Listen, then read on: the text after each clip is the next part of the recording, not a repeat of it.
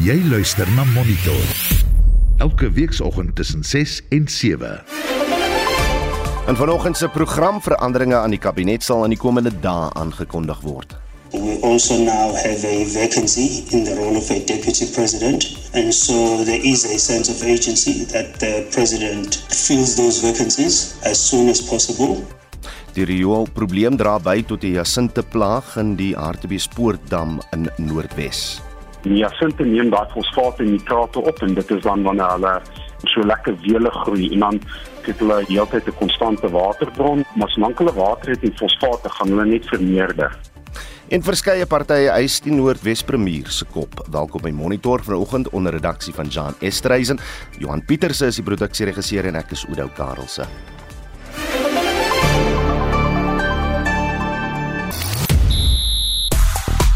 Gevaarligte flikker vir die Proteas op Spitsportpark in Centurion. Themba Bavuma maak ongewenste geskiedenis in die toets teen die Windies. Nog opskuddings in die FA beker toernooi en Arsenal rek hulle voorsprong in die Engelse Premier Liga. Ek is Shaun Schuster vir RSG Sport. Die Britse sokkerklub Everton word op Twitter gekruisig na die span se 100ste nederlaag teen Arsenal. Nog 'n hitsmerk oor die onderwerp is AS Eve wat die telling van 4-0 in Arsenal se guns weer weergee.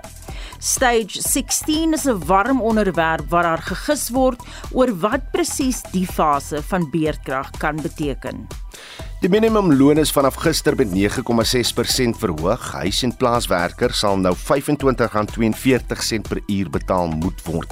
Gegee die ekonomiese druk op huishoudings se inkomste, sal jy jou huiswerker kan betaal of gaan jy die skofte wat gewerk word verminder? En indien jy in die landbousektor werk, hoe raak die nuwe minimumloon en beurtkrag jou begroting om plaaswerkers in diens te neem? Stuur 'n SMS na 45889 R1.50 per SMS. Jy kan saampraat op ons Monitor en Spectrum Facebook Facebookblad of 'n uh, WhatsApp stemnota na 076 536 6961.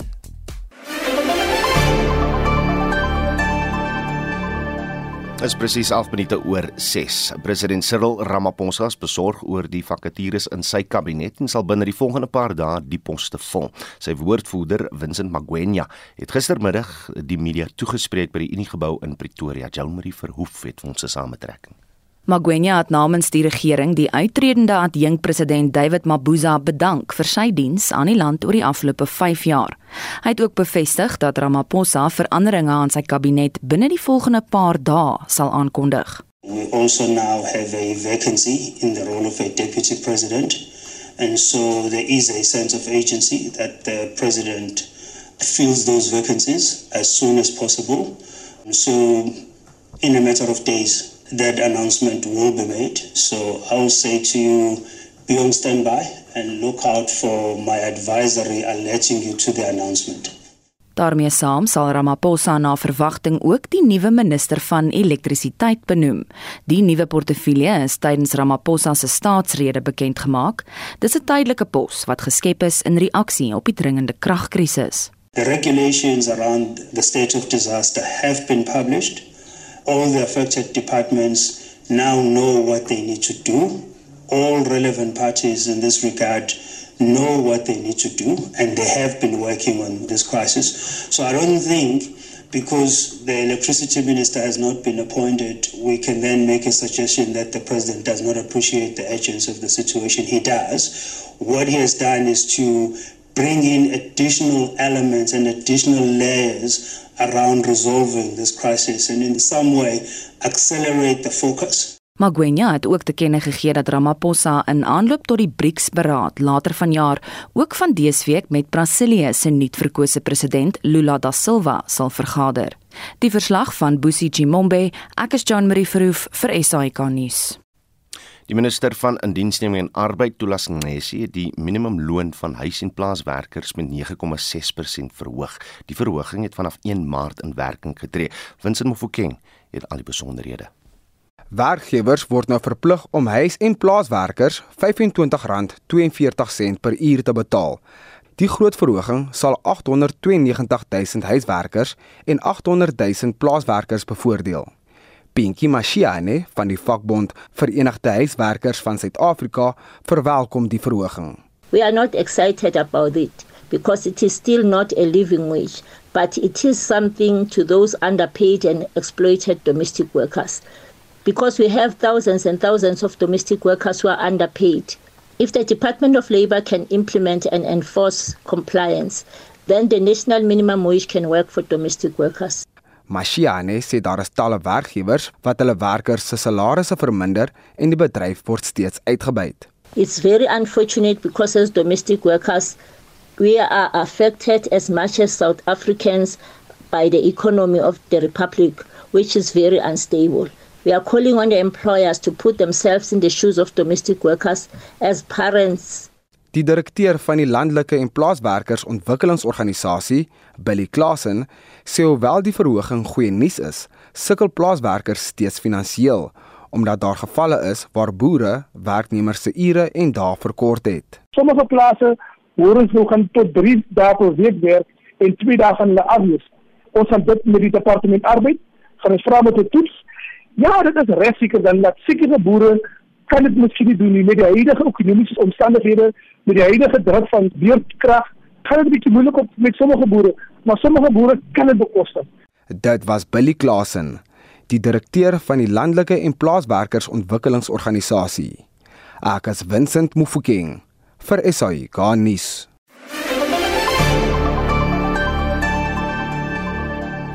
Volgens die minister van Bosbou, Visserye en Omgewingsake, Barbara Krisi, is haar departement en ander belanghebbendes besig met pogings om 'n rob te vang sodat daar vir Dumoyen suurvergiftiging getoets kan word. Dit volg na 'n waargenome toename in robaanvalle op mense aan die Suid-Afrikaanse kus. Hoewel die rede vir die toename in robaanvalle nie bekend is nie, word daar bespiegel dat dit 'n weens vergiftiging is. Joan Marie Verhoef doen verslag. Die DALP, David Bryant, sê hy wou weet of Creasy se departement enigiets doen om die toename in robaanvalle op mense te ondersoek. Volgens Bryant het navorsing in die buiteland al 'n verband gemaak tussen robaanvalle op mense en domoïnsuur vergiftiging. Die vraag rakende 'n waargenome toename in aanvalle deur robbe op mense is aangespoor deur voorstelle deur sommige groepe dat die aggressie deur chemikalieë en gifstowwe in Kaapstad se seewater veroorsaak word. Dit was gebaseer op 'n studie in Amerika oor seeluws wat voorgestel het dat domoic acid, 'n gifstof, seeluw gedrag beïnvloed het. Domoïnsuur word deur 'n soort alge in die water veroorsaak, dikwels wanneer waterkwaliteit van swak gehalte is. Domoic acid word geassosieer met rooi gety wat aan verhoogde besoedeling gekoppel kan word. Die minister het geantwoord dat daar geen bewyse is dat robbe in Suid-Afrika deur watergehalte in Kaapstad geraak is nie. Sy het ook nog 'n verklaring uitgereik wat tot die gevolgtrekking kom dat die see-uitvalle in Kaapstad in ooreenstemming is met internasionale standaarde. Volgens Krisie is daar sedert 2021 26 robaanvalle op verskeie plekke langs die Wes-Kaapse kus aangemeld. Die toename in aanvalle hou ook verband met verhoogde interaksie tussen robbe en mense. Die toename word heel waarskynlik toegeskryf aan mense en robbe wat in die nabyheid op strande en alders is. Die belangrikste ding is dat mense onthou dat robbe wilde diere is en nie meer gespeel of uitgetaard mag word nie. So meen die DALP en skadu minister vir omgewingsake David Bryant. John Marie Verhoef, SAK nuus. Hoewel die departement van water en sanitasie onderneem het om vanjaar die watergehalte van die Hartbeespoort dam in Noordwes te verbeter, blyk dit of sake onderneming self inspring om die probleem te hanteer. 'n Kenner op waterbestuur aan Unisa se departement van politieke wetenskap, professor Richard Meisner, sê fosfaat wat deur seep en water van die rioolaanlegte in die dam gepomp word, is voeding vir die hyasinte. Daai water wat inkom, is speilwater en dit is maar hoofsaaklik omdat dit van die rioolwerke afkom. Hulle suiwer die water by die rioolwerke, maar ek sien hierso van Swanie se kant af, dit lyk soos rou riool wat inkom. En daai riool bevat baie fosfaat en nitrate. En daai fosfaat is afkomstig van jou seepe wat jy gebruik in jou wasmasjien, waarmee jy was en waarmee jy skoolgoed was. Dis hoekom die seepe so skyn. Dis soos 'n kunsmis vir die jasinte. Die jasinte neem daai fosfaat en nitrate op en dit is dan wanneer hulle so lekker wele groei en dan het hulle heeltyd 'n konstante waterbron, maar solank hulle water het en fosfate gaan hulle net vermeerder. Maar wat doen dit aan menslike gebruik en hoe beïnvloed dit die vislewe in die dam? Omdat dit so ontsettend toeneem, Hartbeespoort het 'n reservoir oppervlakte van 2068.5 hektaar. En op hierdie stadium is omtrent helfte van daai oppervlakte bedek deur hyacinte. Omdat Hartbeespoort so 'n uh, gewilde toeriste aantreklikheid is, mense wat op die dam gaan seiljagte, motorbote, jetskis en daai tipe goed, maar ook dis gewild onder die hengelaars. En as daar baie hyacinte is, kan jy nie hengel nie. Jy kan nie bootvaart onderneem nie, nie so baie plesierbootvaarte en daai mense kan ook nie daai bootvaart onderneem nie. Dit het nogal 'n baie geweldige groot impak op die toerisme aktiwiteite reg rondom die dam. En as mens dan verder noord gaan van die dam, Karpiespoort hy gee water vir die besproeiingsboere in die besproeiingsarea. En die asinte transpireer verskriklik baie water. 'n Vierkante meter kan tot so iets soos 38 liter water per dag transpireer. As mens hier praat van 1000 hektaar, dan kan jy maar net indink hoeveel water gaan daarmee heen. En met betrekking tot die algehele ekosisteem, dit het 'n negatiewe impak op jou biodiversiteit. Jou inheemse natuurlike akwatiese plante kan nie groei daaronder nie want hulle kry nie genoeg sonlig nie. En dan sit ons maar met 'n uh, baie karps en swartbaars in die dam en dit is uitheemse vis. Maar jy sien nie baie tilapia of kurters in die dam nie.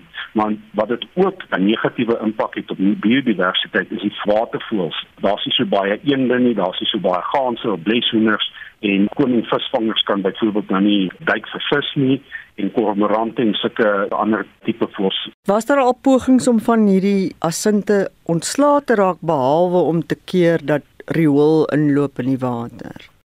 Net al van die 1970s af was daar al 'n hele klomp pogings gewees om van die asinte ontslae te raak. In die vroeë jare het hulle helikopters oorgevlieg en dan plantdoders gespuit en so 10 jaar terug het hulle dit verwyder per hand die Rhodes Universiteit se uh, departement entomologie hulle het ook al kewers iets vrygelaat om die asintes blomme te eet sodat hulle voortplant nie.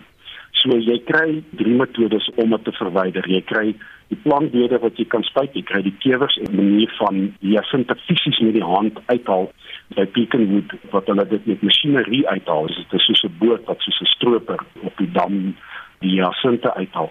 Die beste poging tot nou toe is die Harties Foundation in BC wat toestemming by die departement van water en sanitasie gekry het om die dam te bestuur en om spesifiek van die asinte ontslae te raak.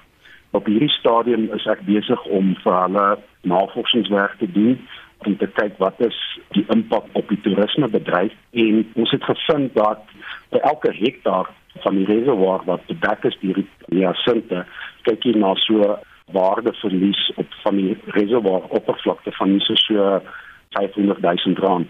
Om van dit ontslae te raak definitief vir die besproeiingsbure en ook vir die waardebestuur self hou dit ekonomiese waarde in. En daai drie metodes dit liefs op 'n geïntegreerde manier gedoen word om jasint te verwyder. En dit is juist waarop die Harties Foundation EPC nou fokus is om van die jasinte ontslae te raak kry hulle hulp van die staat die vermoë van die staat om so 'n probleem op te los. Daar's 'n gaping en die Hartbees Foundation het nou hierdie gaping gevul. Maar dit beteken nie dat die staat onbetrokke moet wees nie. Dit val die departement van water en sanitasie moet behoort aan hulle.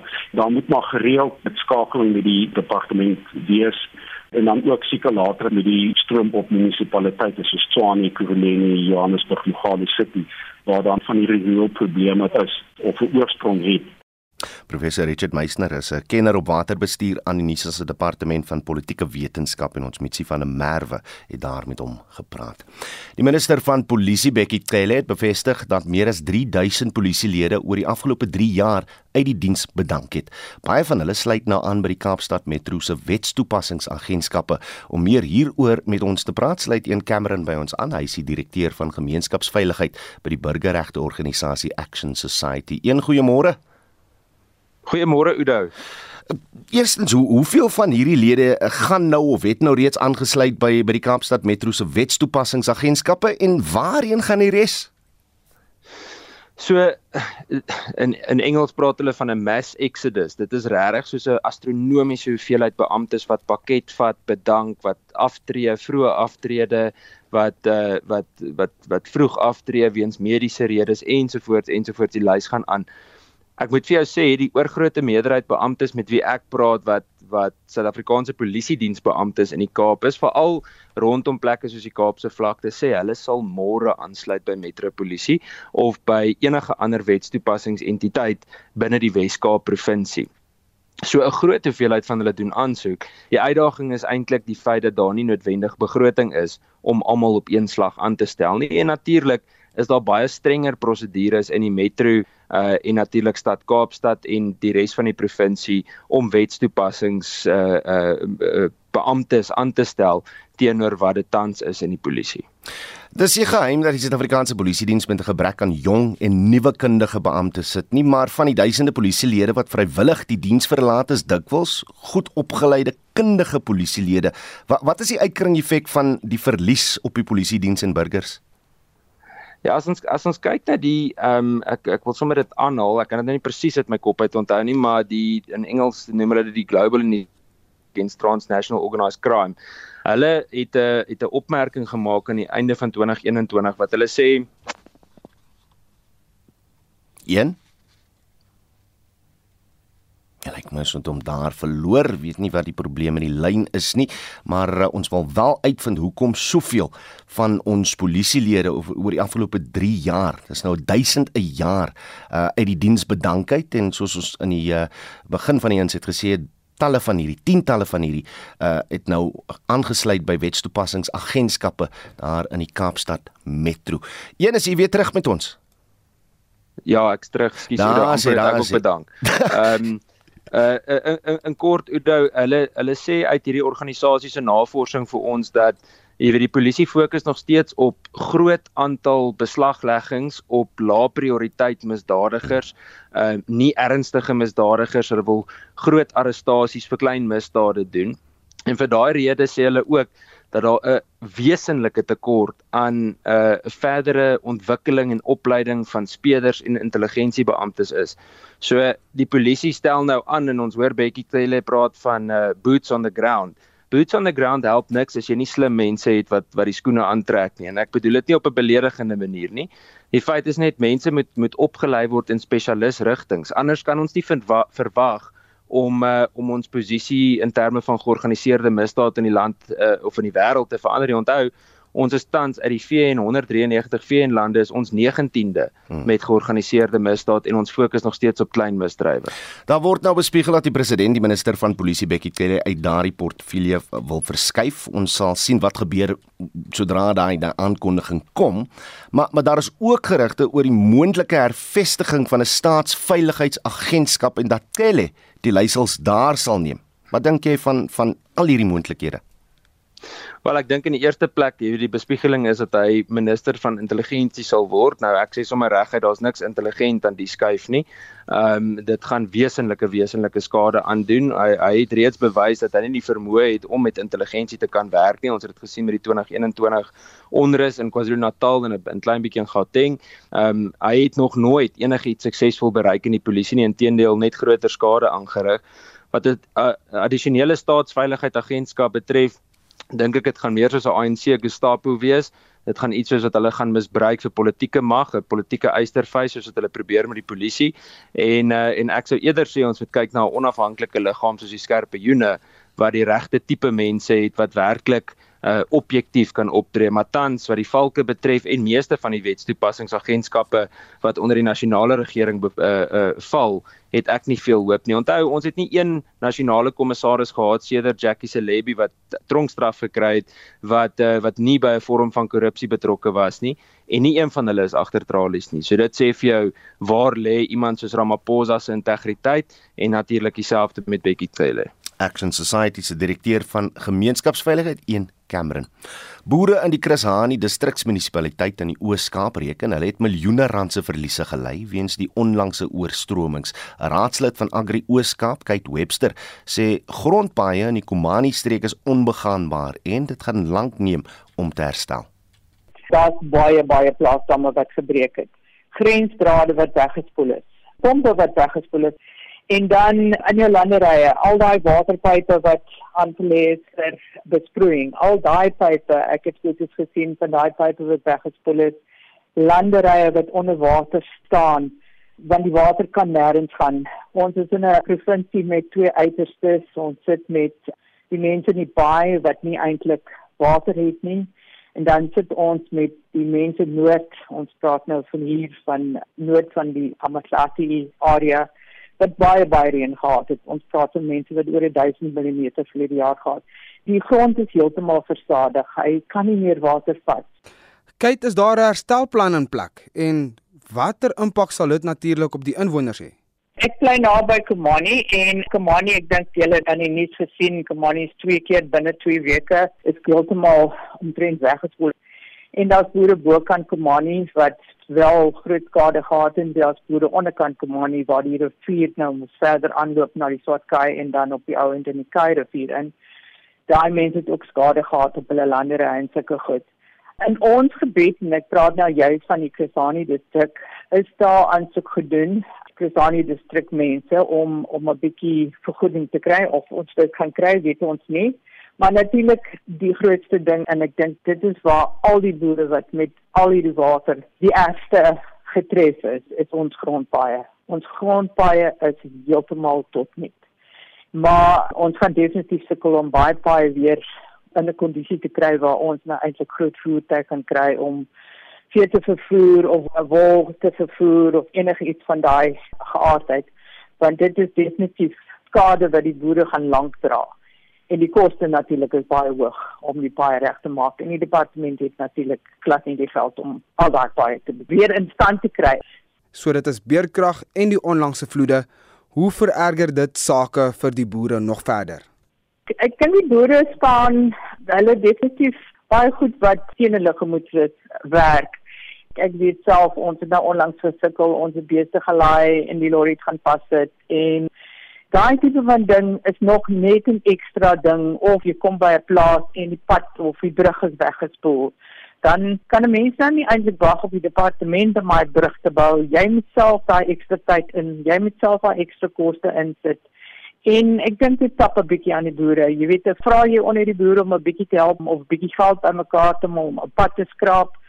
Ja, boere trek swaar. Jy weet die ekonomie loop nie goed nie en jy kan nie altyd jou produk bemark nie as jy redelik afgesonder is en jy het baie baie water, dan is jy nog meer afgesonder as mense so kan sê ek wil amper klem lê op die paai. Jy weet 'n boer kan sy grensdraad regmaak. Hy kan tussen die riviere, tussen die boere, hulle kan hulle matte regmaak. Daai tipe van ding kan ons doen, maar dit vat nog ekstra tyd in jou program. Jy moet daai tyd inwerk. En ja, ek dink hulle raak sommer 'n bietjie baie moedeloos. Maar hulle sê mos altyd boer maak 'n plan en ons probeer kop bo water hou en ons probeer positief wees. Kate Webster is 'n raadslid van Agri Ooskaap wat daar met ons Vincent Mofokeng gepraat het. Monitor jou oggendnuusprogram op RSG. Byna 6:33 in in die nuus. Opposisiepartye in Noordwes eis die bedanking van die premier Bushimape en die Hooggeregshof in Johannesburg het die metroraad se wysiging van eiendomskategorieë wat tot hoër belasting vir skole gelei het as ongrondwettig verklaar. Bly net hier by ons.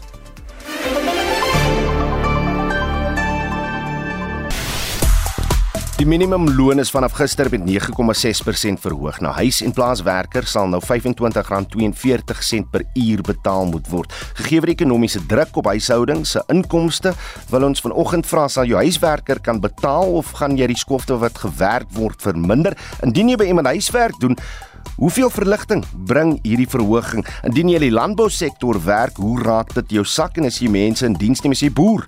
Uh hoe raak dit jou begroting en uh hoe raak dit jou vermoë om plaaswerkers wel in diens te neem? Nou op Facebook sê Peer en Daleen van Heerden, vir ons as boere raak dit moeilik om die boeke te laat klop, minimum loon, Eskom brandstof, maar ons doen wat ons kan, minder permanente werkers, 8 ure werksdag en ander boereplanne wat ons kan maak sê hy. Uh Benita Badenhorst sê daar is 'n minimumloon vir huis- en plaaswerkers, maar ek sien gereeld administratiewe poste word geadverteer vir tot uh, tussen 3 en 4000 rand per maand, waar matriek en eie vervoer ook 'n vereiste is. Halfuur etenstyd, maar eet en drinkgoed word nie voorsien nie. Uh Martie Brits sê ek en my man of ma van 85 en pa van 90 maak al vir jare ons eie huis skoon. Wat is jou ervaring? Wat kan jy met ons deel? Stuur 'n SMS na 4588919 R50 per boodskap. Jy kan saampraat op ons Monitor en Spectrum Facebookblad of stuur vir ons 'n WhatsApp stemnota na die nommer 0765366961.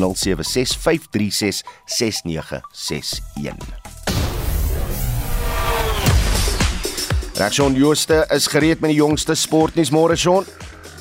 Goeiemôre Oudo. Ek kan dit ook nie glo die 8 paaltjies plat getrek op die eerste dag, 16 op die tweede dag. Dis 'n toetswedstryd hier tussen Suid-Afrika en die Wes-Indies wat aan die loop is, né? Ja, Oudo, die Protea afrigter Shukri Conrad gaan nogal hard met sy spelers moet praat indien hulle 'n moontlike nederlaag wil afweer.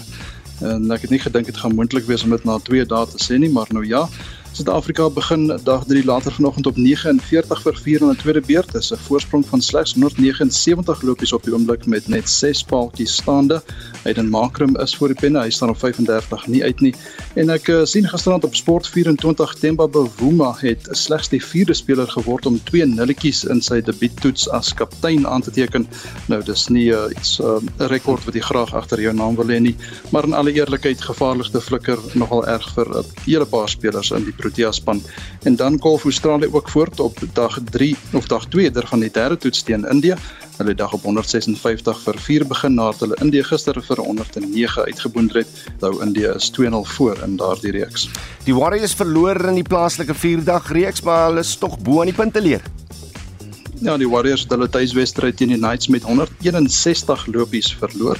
Die Dolphins het die Titans met 7 paaltjies afgeransel. Hulle draaibowlers Pernille Sabrine en JJ Smith het 19 van die Knights ag van die Titans se 20 paaltjies laat kantel en die Lions C4 met 28 lopies teen die WP. En soos jy sê met twee rondes oor die Warriors bo in die punte leer op 85 punte, Dolphins nou tweede ook op 85, WP derde op 82 en Titans vierde op op 73 punte. En nog opskrings in die FA beker terwyl die uh, grootes in die Premier Liga C4 In die FA beker het Manchester United na die kwart eindronde deurgedring na 'n 3-1 oorwinning oor West Ham United. Maar Tottenham Hotspur word met 1-0 deur Sheffield United en Southampton met 2-1 deur Grimsby uitgeskakel. Dan die Engelse Premier Liga het Liverpool 2-0 geseëvier teen Wolves. Hulle skuif nou onder die top 6 in en Arsenal het Everton met 4-0 kaf gedraf.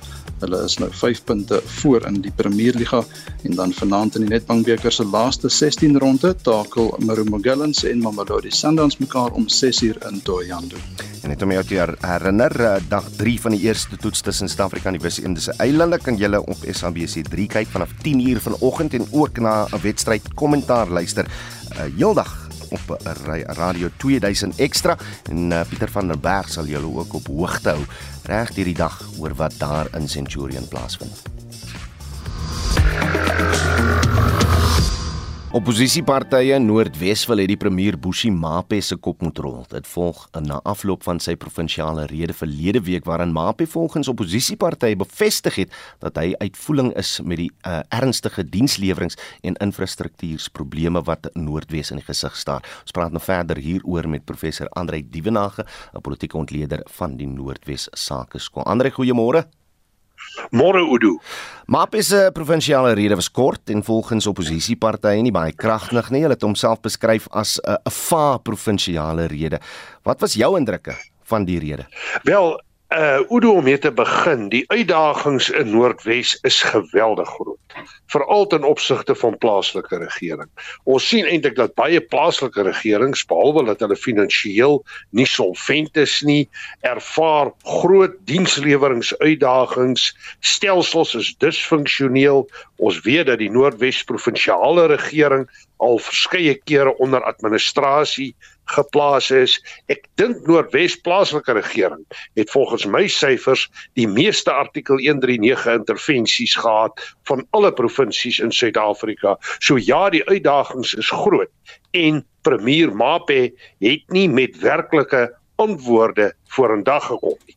Maar nou wil ek ook die perspektief byvoeg, dit is nie net oppositiepartye wat hom wil verwyder nie. Sedert die oorneem van Nono Moloi einde verlede jaar het die ANC struktuur nuwe leierskap gekry en ek dink ons gaan ook 'n beleining kry van leierskap tussen die party en die provinsiale regering soos wat ons gesien het met David Makura in Gauteng se uittrede met die uittrede van Zigalala uh in uh, KwaZulu-Natal en ook nou die nuwe premiersvervanging met Kolisi Dikwana in die Vrystaat.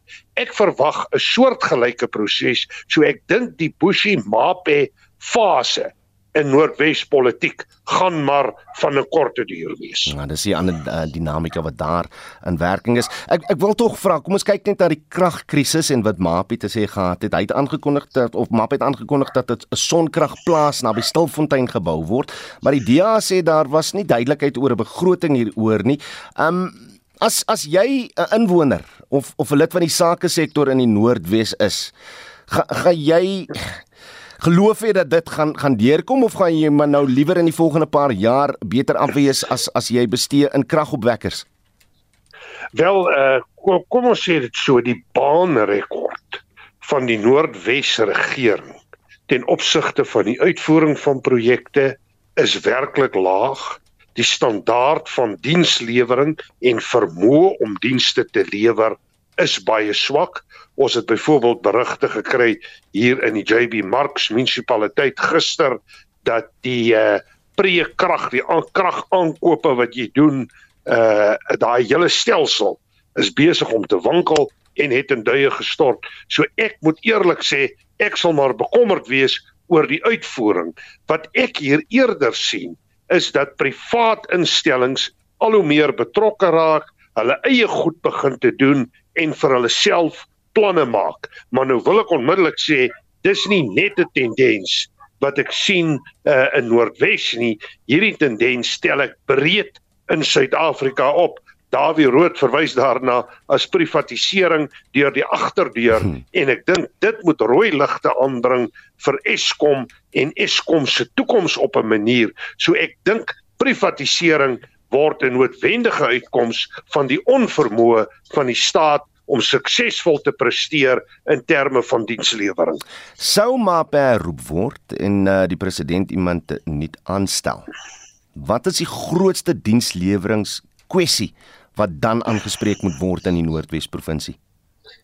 Wel, ek dink die grootste kwessie is ons moet begin by goeie regeringskundige bestuur op plaaslike vlak as ons daai regeringskundige omgewing en die bestuursomgewing kan regkry, kan ons doelmatig begin te werk aan dienslewering. En dienslewering het vir my te maak met goed soos water en elektrisiteit natuurlik. Dit het te maak met infrastruktuurvoorsiening. Mens dink veral aan paaie en die toestande van paaie, maar dit gaan eers om die mense in plek te sit wat hierdie veranderinge kan aanbring. En ek is bewus of is ten minste ingelig daaroor dat van hierdie skuwe reeds gemaak word. En ek dink dit is dringend noodsaaklik dat die provinsiale regering homself drasties hervorm dat daar kapasiteitsbou moet plaasvind. Ek dink die kaderontplooiingsstelsel het ook by sy tol in hierdie provinsie geëis en dat jy met die nodige kundigheid sake aanpak en natuurlik ook met die nodige etiese grondslae en beginsels van goeie regering. Professor Andre Dievenage, hy's 'n politieke ontleder van die Noordwes Sakeskool.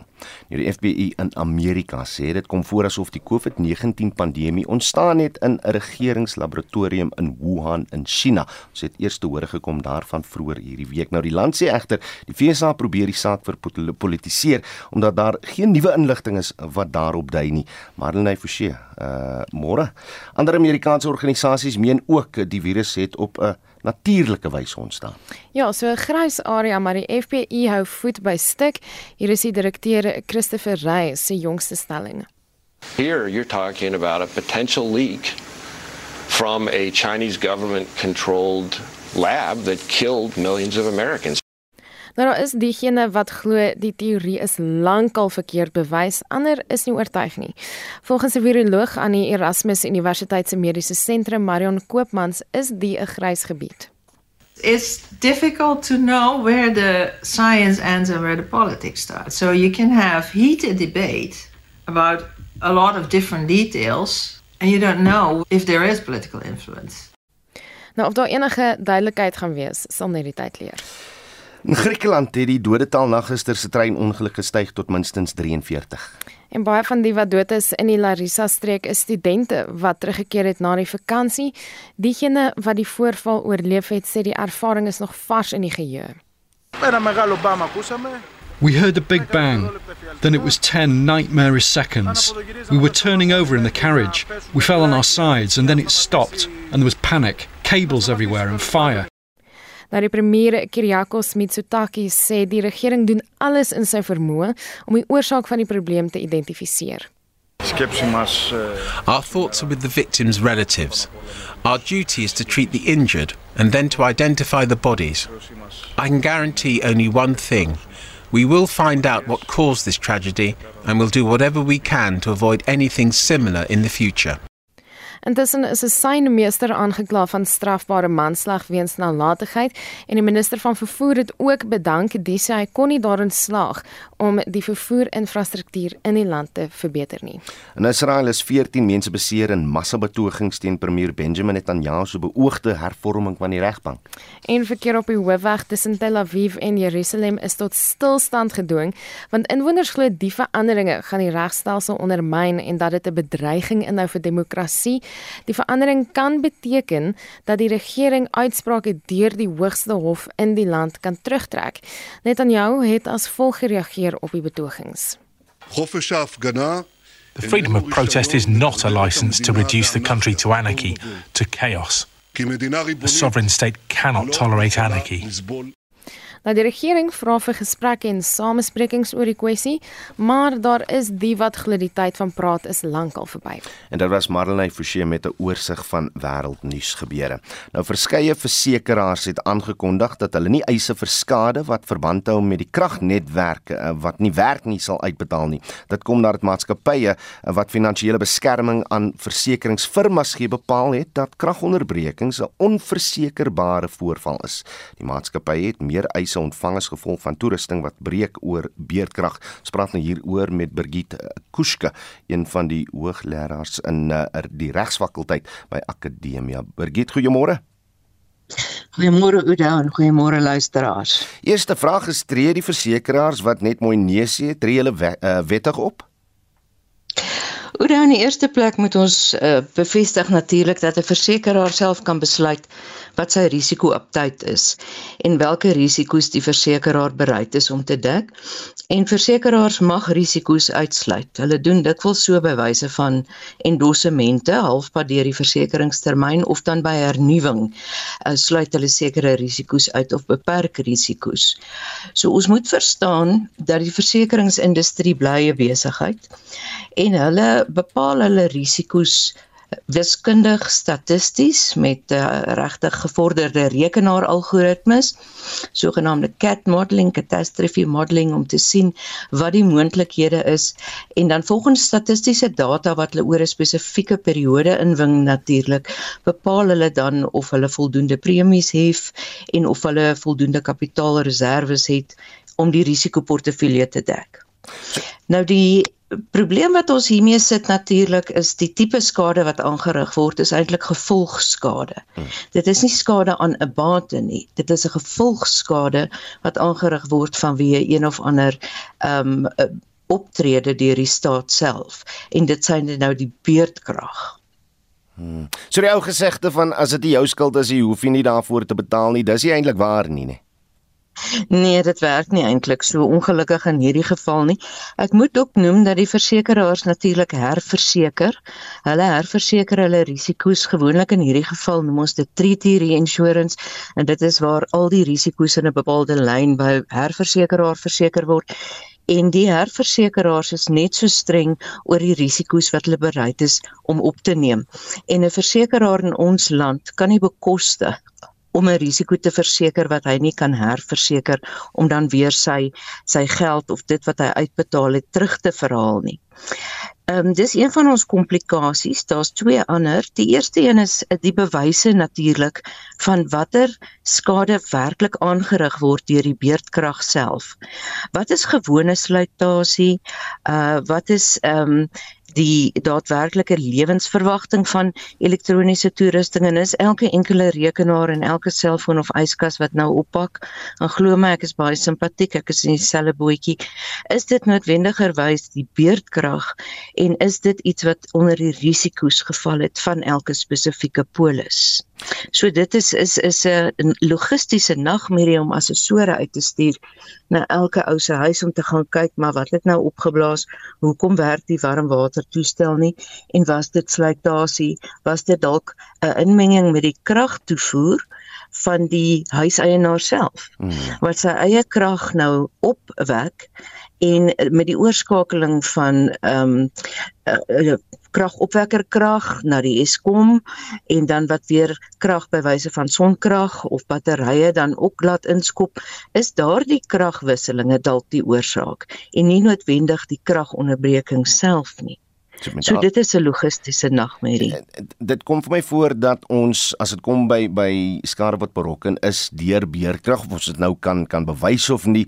Dit, dit klink vir my of of jy op persoonlike vlak of of met jou besigheid net onversekerbaar is op hierdie stadium ja en dit is nie die eerste keer wat sulke ehm um, risiko's in geheel uitgesluit word nie. Cyber kuberrisiko's is byvoorbeeld 'n hele ruk gelede al uitgesluit uit die um, normale dekking wat 'n mens het vir bateversekering en huisinhoudversekering. As jy kuberdekking wil hê moet jy ekstra betaal en jy moet spesifiek 'n polis uitneem wat daarvoor voorsiening maak. En dan kan ek ook maar net sê mense hoop maar dat die regering op 'n stadium op 'n manier ingryp. Tydens COVID het die FSCA, die Financial Services Conduct Authority, wel 'n regulatoriese ingreep bemagtig um, deur hulle kennisgewing nommer 5 van 2020 wat hulle versekeraars versoek het of eintlik instruksie gegee het om nie besigheidsonderbrekingsdekking uit te sluit by wyse van endorsement in die middel van hierdie versekeringsperiode van COVID tensy hulle dit eers aangemeld het aan die FSCA en met die uh, owerheid onderhandel het oor die feit dat hulle nou 'n beperking of 'n uitsluiting van risiko gaan inbring. So mense wonder of dit nie dalk een of ander tyd mag gebeur ingaande hierdie nie, maar omdat dit nie 'n nasionale pandemie of 'n epidemie is nie, maar daadwerklike uitval van swak van 'n gefaalde staat hmm. en swak beplanning natuurlik. Ehm um, is dit 'n risiko wat ongelukkig onversekerbaar geword het vir die versekeraars se, se reserves. Birgit Kuske, baie dankie vir u tyd hier op Monitor en sy is van die regsfakulteit by Akademia. Die poskantoor sê 'n inspuiting vir meneer is 4 miljard rand maak 'n omdraai strategie moontlik om van die jongste tegnologie in die posbedryf te implementeer. Die topbestuur het voor die parlement se kommunikasie en digitale tegnologie komitee verskyn. Die instelling het in September verlede jaar sy omkeerstrategie bekend gestel wat die bedryf sal digitaliseer. Zelin Merrington doen verslag. Die bestuur van die poskantoor sê hulle sukkel om kop bo water te hou. Hulle wag gretig vir die sowat 2.5 miljard rand om nuwe tegnologie te implementeer wat hopelik die skip sal omdraai. 'n Draai-strategie wat meer as 6 maande gelede aangekondig is, het nog min vordering gewys. Volgens die waarnemende uitvoerende hoof vir strategie, Geert Batiel, lê daar baie werk voor. So overall, in terms of the implementation of the Post Office of Tomorrow strategy, we have not progressed very well. So we are confident with the funding allocation that has been made available, the 2.4 billion rand, that we will be able to proceed going forward to start implementing parts, if not all, of the Post Office of Tomorrow strategy. Hy sê uitgawes is steeds meer as die inkomste wat die poskantoor maak met miljoene wat geskuld word vir huurgeld. We've got 338.2 million rand owed in arrear rentals of that, you have then necessarily received a priority list for payment where there are various actions that have been implemented by the landlords. So either we have been locked or we will be locked out. There's 105 of those. We have 22 branches where the electricity has been cut and then necessarily we are unable to transact. We have 341 where we have received summons on legal action will include necessarily cancellation of the lease. And then also we've got the threaten to lock and then electricity cut or cancel. We've got 100. So of the 1,183 branches, we have 571 branches which are at risk, if I can call it that, due to the availability of funding and necessarily our, our expenses far exceeding our revenue that is going to generate. Intussen kyk die entiteit daarna om personeelkoste te besnoei met net meer as 1000 mense wat einde Januarie vrywilliglik pakkette aanvaar het. Zelin Merrington, Parlement. Dit gons op Twitter nadat die voormalige adjunkpresident David Mabuza as LP bedank het. En Pala Pala Farm in Concord is weer in die nuus nadat die president se poging om die onafhanklike paneel se verslag in die konstitusionele hof te toets misluk het. Nou minimumloon of die minimumloon is vanaf gister by 9,6% verhoog. Uh, as jy nou uh, 'n uh, werkgewer of werknemer is, moet daar R25 42 sent per uur betaal word. Hoe raak dit jou sak? Hoe raak dit jou begroting of jy nou 'n werknemer is of iemand in diens neem? Die beedkra hak ons plaas mense baie erg.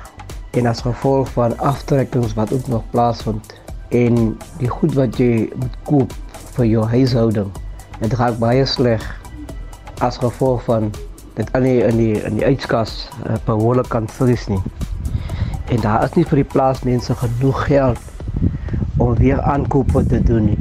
En dit is onuithoudbaar om by te hou met die verhoogde regulasies en die stygings van minimumloon. Ek self is 'n is 'n boer. Dit is onmoontlik om daarby by te hou.